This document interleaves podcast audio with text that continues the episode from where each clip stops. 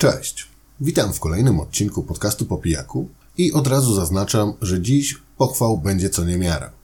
Przede wszystkim jednak gdzieś w środku boję się tego nagrania, bo jasnym jest dla mnie, że kiedy wyłączę mikrofon, to za godzinę, może dobę, tydzień czy miesiąc kolejne warstwy omawianej dziś powieści dopiero zaczną do mnie docierać i przeradzać się we wnioski, których na ten moment nie potrafię jeszcze pewnie wyciągnąć. Jak widać po tytule nagrania, bohaterką dnia jest dzisiaj przewspaniała epopeja autorstwa Władysława Stanisława Reymonta, czyli Chłopi. Powieść, której, jeśli urodziliście się w Polsce, ciężko nie znać choćby ze słyszenia. Wiadomo również, że jest to rzecz jasna jedna z obowiązkowych lektur szkolnych, co swoją drogą mocno tę książkę krzywdzi, ale o tym w dalszej części recenzji. Ze swojej strony powiem jeszcze, kończąc ten króciutki wstęp, że utwór Raymonta uważam na tę chwilę za jedno z największych literackich dzieł w historii. I nie mam tu na myśli jedynie naszej rodzimej literatury, a tę światową. To rzecz wielka, wybitna i ponadczasowa, dlatego po cichutku liczę na to, że rozsiądziecie się wygodnie i pozwolicie mi przez te parę chwil pozachwycać się tym przelanym na papier geniuszem w najczystszej postaci. Zapraszam. Zacznę jak zwykle od fabuły, choć większości słuchaczy prawdopodobnie nie trzeba jej nakreślać. Jednak, żeby tradycji stało się zadość, słów kilka o tym, w jaki świat wrzuca nas Raymond. Jako ciekawostkę dodam jeszcze tylko, że chłopi, jakich znamy obecnie, są drugą wersją powieści. Pierwszą pisarz spalił w całości, kiedy nanosząc poprawki do pierwszego tomu, doszedł do wniosku, iż utwór nie spełnia jego, czyli Raymonta, wstępnych zamierzeń. No, ale okej. Okay. Czas wkroczyć do Lipiec, bo właśnie tak nazywa się usytuowana gdzieś pod łodzią wioska, stanowiąca miejsce akcji. Co ciekawe, czas akcji nie jest podany w żadnym momencie utworu, dzięki czemu udaje się autorowi wywrzeć wrażenie, jakoby cała opisana historia działa się poza czasem, będąc ciągle powtarzającym się cyklem. Dodatkowo, wrażenie to potęguje sama konstrukcja powieści, podzielonej na cztery tomy, nazwane kolejno jesień, zima, wiosna oraz lato. Mamy tu jakby zamknięty krąg, który rzeczywiście powtarza się raz za razem, zwłaszcza w takich warunkach, jakie serwuje nam Raymond. Mowa tu oczywiście o samej wsi i wszystkim, co z tym związane. Od konkretnych prac na polu czy też w obejściu, które to prace oczywiście różnią się w zależności od kolejnych pór roku, a także powiązanych z kalendarzem świąt liturgicznych, które na polskiej wsi były, są i zapewne zawsze już będą czasem niezwykłym.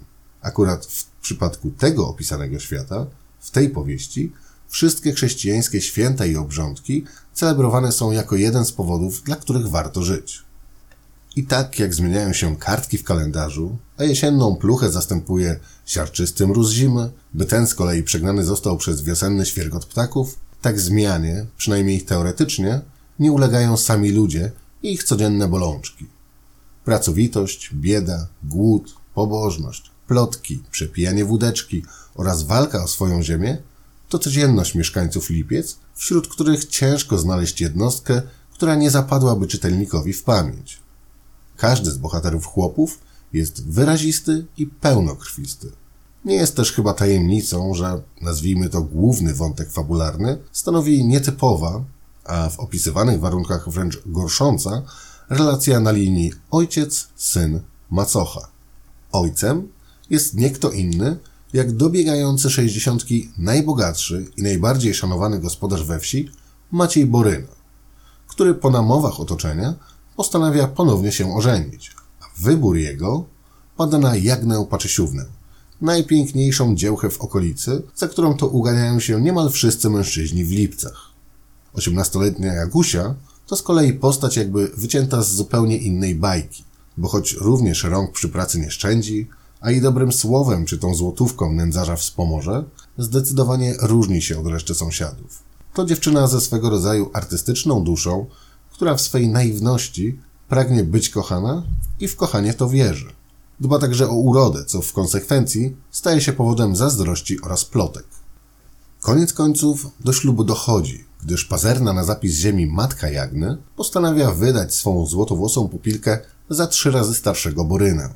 I może nawet wszystko by się fajnie ułożyło, gdyby nie wspomniany wcześniej fakt, że Jagna uwielbia kochać i być kochaną, a do dopiero co poślubionego Macieja nie czuje nic. Traf chce, że jednym z jej największych adoratorów jest z kolei Antek Boryna, czyli syn Macieja. I już samo to stawia nas wszystkich w dość niezręcznej sytuacji, a co dopiero, kiedy okazuje się, że Antek ma już żonę i dzieci, a wszyscy oni mieszkają w jednej borynowej chacie z ojcem. I to by było na tyle, jeśli chodzi o fabułę. Więcej zdradzał póki co nie będę, ponieważ istotnych wątków w chłopach wymienić można by co najmniej kilka, a o każdym z nich opowiadać choćby i godzinę. Także na ten moment tyle chyba wystarczy. Pora przejść do zachwytów. Pytanie tylko, jakiemu elementowi dzieła Raymonta przyklaskiwać najbardziej? Tym bohaterom, których wymieniłem dotychczas ledwie troje, a o tuzinie innych można by doktoraty pisać? A może opisom przyrody, które, powiedzmy sobie szczerze, w wielu powieściach są przez czytelników pomijane, tu natomiast zachwycają, stanowiąc jedno z kół napędowych całości. Zachwycać można się również realizmem, ponieważ zarówno obrządki liturgiczne, praca na polu czy w domu, dosłownie wszystko opisane jest z taką precyzją i starannością, że nie sposób nie wejść w tę powieść i to miejsce całym sobą. Zupełnie jakby zamieszkiwało się same Lipce, a Wójt, Kowal, Kozłowa i inni byli naszymi sąsiadami. Zalety można by tak wymieniać i wymieniać bez końca, jednak żeby nie przedłużać, trzeba jasno powiedzieć, że tym, co wybija chłopów daleko ponad przeciętność, jest rejmontowski język. Ogólnie, jeśli chodzi o powieściową narrację, a co za tym idzie język, ludzie bardziej uczeni ode mnie już dawno wyróżnili w omawianym dziele trzy odrębne style. W tym dwa nazwijmy to główne, a mianowicie narrację inteligencką, stosowaną tu głównie podczas opisów przyrody czy świąt, a także narrację chłopską, używaną w trakcie rozmów czy opisów odczuć mieszkańców Lipiec. I zwłaszcza ta druga jest powodem, dla którego chłopów albo się kocha, albo nienawidzi. Otóż, choć nie wiem, jak ktoś to wyliczył, ponoć około połowa książki pisana jest gwarą, a konkretnie mieszanką różnych gwar. Słowa takie jak choćby juści, pięć czy haman są tu na porządku dziennym, a przykładowe zdanie brzmi na przykład, na przykład tak, tu dosłowny cytat. Już ci przudzi to choćby na całą noc się nie bojałaś. Przemieniłaś się do cna. Albo jakże, bo ino na mnie cięgiem churuburu na tego łyska. Mnie osobiście zarówno narracja, jak i język porwały bez reszty i śmiem twierdzić, że ta w pewnym sensie nieprzetłumaczalność naszej epopei chłopskiej powinna stanowić dla nas, Polaków, powód do dumy. Inna rzecz, że każdy medal ma dwie strony. I tu pozwolę sobie wrócić do zdania ze wstępu i wzmianki, jakoby fakt, iż chłopi są lekturą szkolną, w ogólnym rozrachunku powieść tę krzywdził. I, żeby było jasne, uważam oczywiście, że nie ma takiej możliwości, by tak na wskrość polska powieść miała się w kanonie nie znaleźć, tyle że, no właśnie, nie wiem, czy tego typu język, a już tym bardziej problematyka chłopów, jest w stanie dotrzeć do współczesnych, powiedzmy, siedemnastolatków. Rzecz jasna, znajdą się i tacy, których nawet w młodym wieku powieść ta oczaruje. Zdaje mi się jednak, że będzie to zdecydowana mniejszość. I choć internetowe opinie czy oceny nie są nie wiadomo jaką wykładnią, jednak dają jakiś tam obraz, a tak się składa, że ocena dzieła Raymonta na największym polskim portalu książkowym to marne 6,4 na 10. Mało tego, kiedy wpiszecie dowolny tytuł w wyszukiwarkę, to Google zawsze wyświetli Wam hasło pod tytułem Ta książka podobała się takiemu a takiemu procentowi czytelników. Osobiście nie pamiętam, by którakolwiek powieść, jaką sprawdzałem, miała tam mniej niż 50%. Chłopi mają 24. Ta książka podobała się 24% czytelników. I już nie dyskutując z tymi liczbami, śmiem twierdzić, że są one wynikiem czytania Raymonta zdecydowanie zbyt wcześnie i wyrabiania sobie złego zdania ze względu na brak właściwych jeszcze narzędzi do oceny tej historii w wieku szkolnym. Oczywiście mogę się mylić. No nic. Powoli zmierzał będę ku końcowi, choć jak mówiłem we wstępie, niedosyt pozostanie. Bo już teraz wiem, że dopiero liznąłem wierzchołek góry lodowej, jeśli chodzi o omawianą dziś lekturę. To rzecz, którą można by rozważać z całej masy perspektyw i prowadzić na jej temat wielogodzinne dysputy. Żeby jednak nie zostawiać wszystkiego od tak sobie, kiedy za chwilę podziękuję za wysłuchanie i pozdrowię wszystkich, chętnych zapraszam do pozostania po kilkusekundowej przerwie, bowiem chciałbym się choć odrobiną przemyśleń jeszcze podzielić.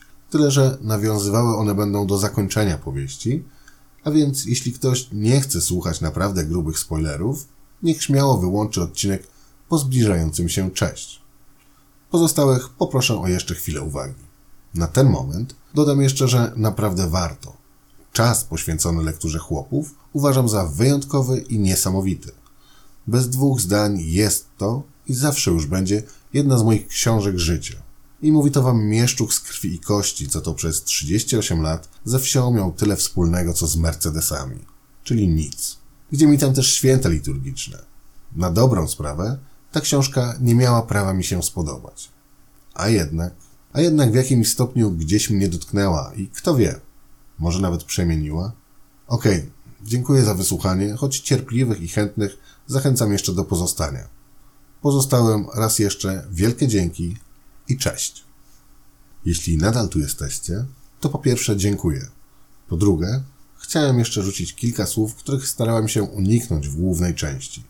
Wymieniałem tam wcześniej zalety chłopów, nie wspominając jednak o zdaje mi się najważniejszej, a mianowicie o uniwersalności dzieła Raymonta.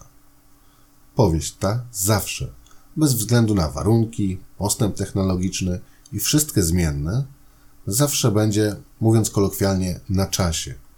I co ciekawe, świadczy o tym bardziej zakończenie niż wszystko, co działo się przed nim. Dziwne to o tyle, że przecież pola zawsze będą obsiewane, będą też i żniwa, czy wszystkie inne gospodarskie prace. Więc co może być bardziej uniwersalnego? Otóż, jeśli chodzi o pola i pewien cykl życia, to rzeczywiście jest on stały. Choć wszystko może się zmienić w wyniku choćby katastrofy ekologicznej. Niezmienne jednak zawsze, póki żyją ludzie, pozostanie jedno. My sami. Scena brutalnego wygnania Jagny ze wsi może boleć. Dosłownie. I to na wielu płaszczyznach, gdzie to, że okładali ją kijami do krwi i w gnój wrzucili, jest jedynie tym, co widać z zewnątrz. Sednem jest to, co działo się w środku, a co Raymond opisał tak genialnie, że nawet wybitny serial z 72 roku nie był w stanie tego oddać. Po przewróceniu ostatniej strony Jagna jednoznacznie skojarzyła mi się, może nie z personifikacją, co bardziej jakąś wariacją na temat Jezusa. Tak, Jezusa Chrystusa, tego z obrazków. Dziewczyna również była miłowana i czyniła dobro, bo tak naprawdę przez całą powieść Jagna nie zrobiła nic złego. A co się okazało na koniec? Ano to, że ten bogobojny ponoć lud wyparł się jej i nie ma co ukrywać, na swój sposób ukrzyżował. Zresztą na chwilę przed tymi wydarzeniami jest scena, w której zapłakana Jagusia, klęcząc na kolanach, wykrzykuje w niebo i za co to wszystko? Mój Boże, za co? Niemal oczywistą wydaje mi się tu odpowiedź, że za grzechy ludzkie. I koniec końców, cała ta społeczność, która pomimo różnych przywar przez cztery tomy ukazywana jest jako pracowita, znosząca dzielnie trudy, biedę i głód, to rozkochana w Bogu społeczność wydaje zupełnie bezpodstawny wyrok. Dlaczego? Bo zazdrość, bo plotki, bo ten jeden malowany ptak nie pasował do ich wizji świata, więc po co zrozumieć, skoro prościej ukręcić mu kark? I teraz pomyślcie sobie, że cała ta historia została tak zaplanowana, że do tej polskości, realizmu, wsi i życia w ten świat wstawiono jednostkę taką jak Jagna. I to ona pokazała prawdę o nas wszystkich. Bo choćby zmieniały się czasy, ludzie zawsze jako grupa tego wspomnianego malowanego ptaka zgnębią. Bolesne i prawdziwe, jak cała ta fenomenalna powieść.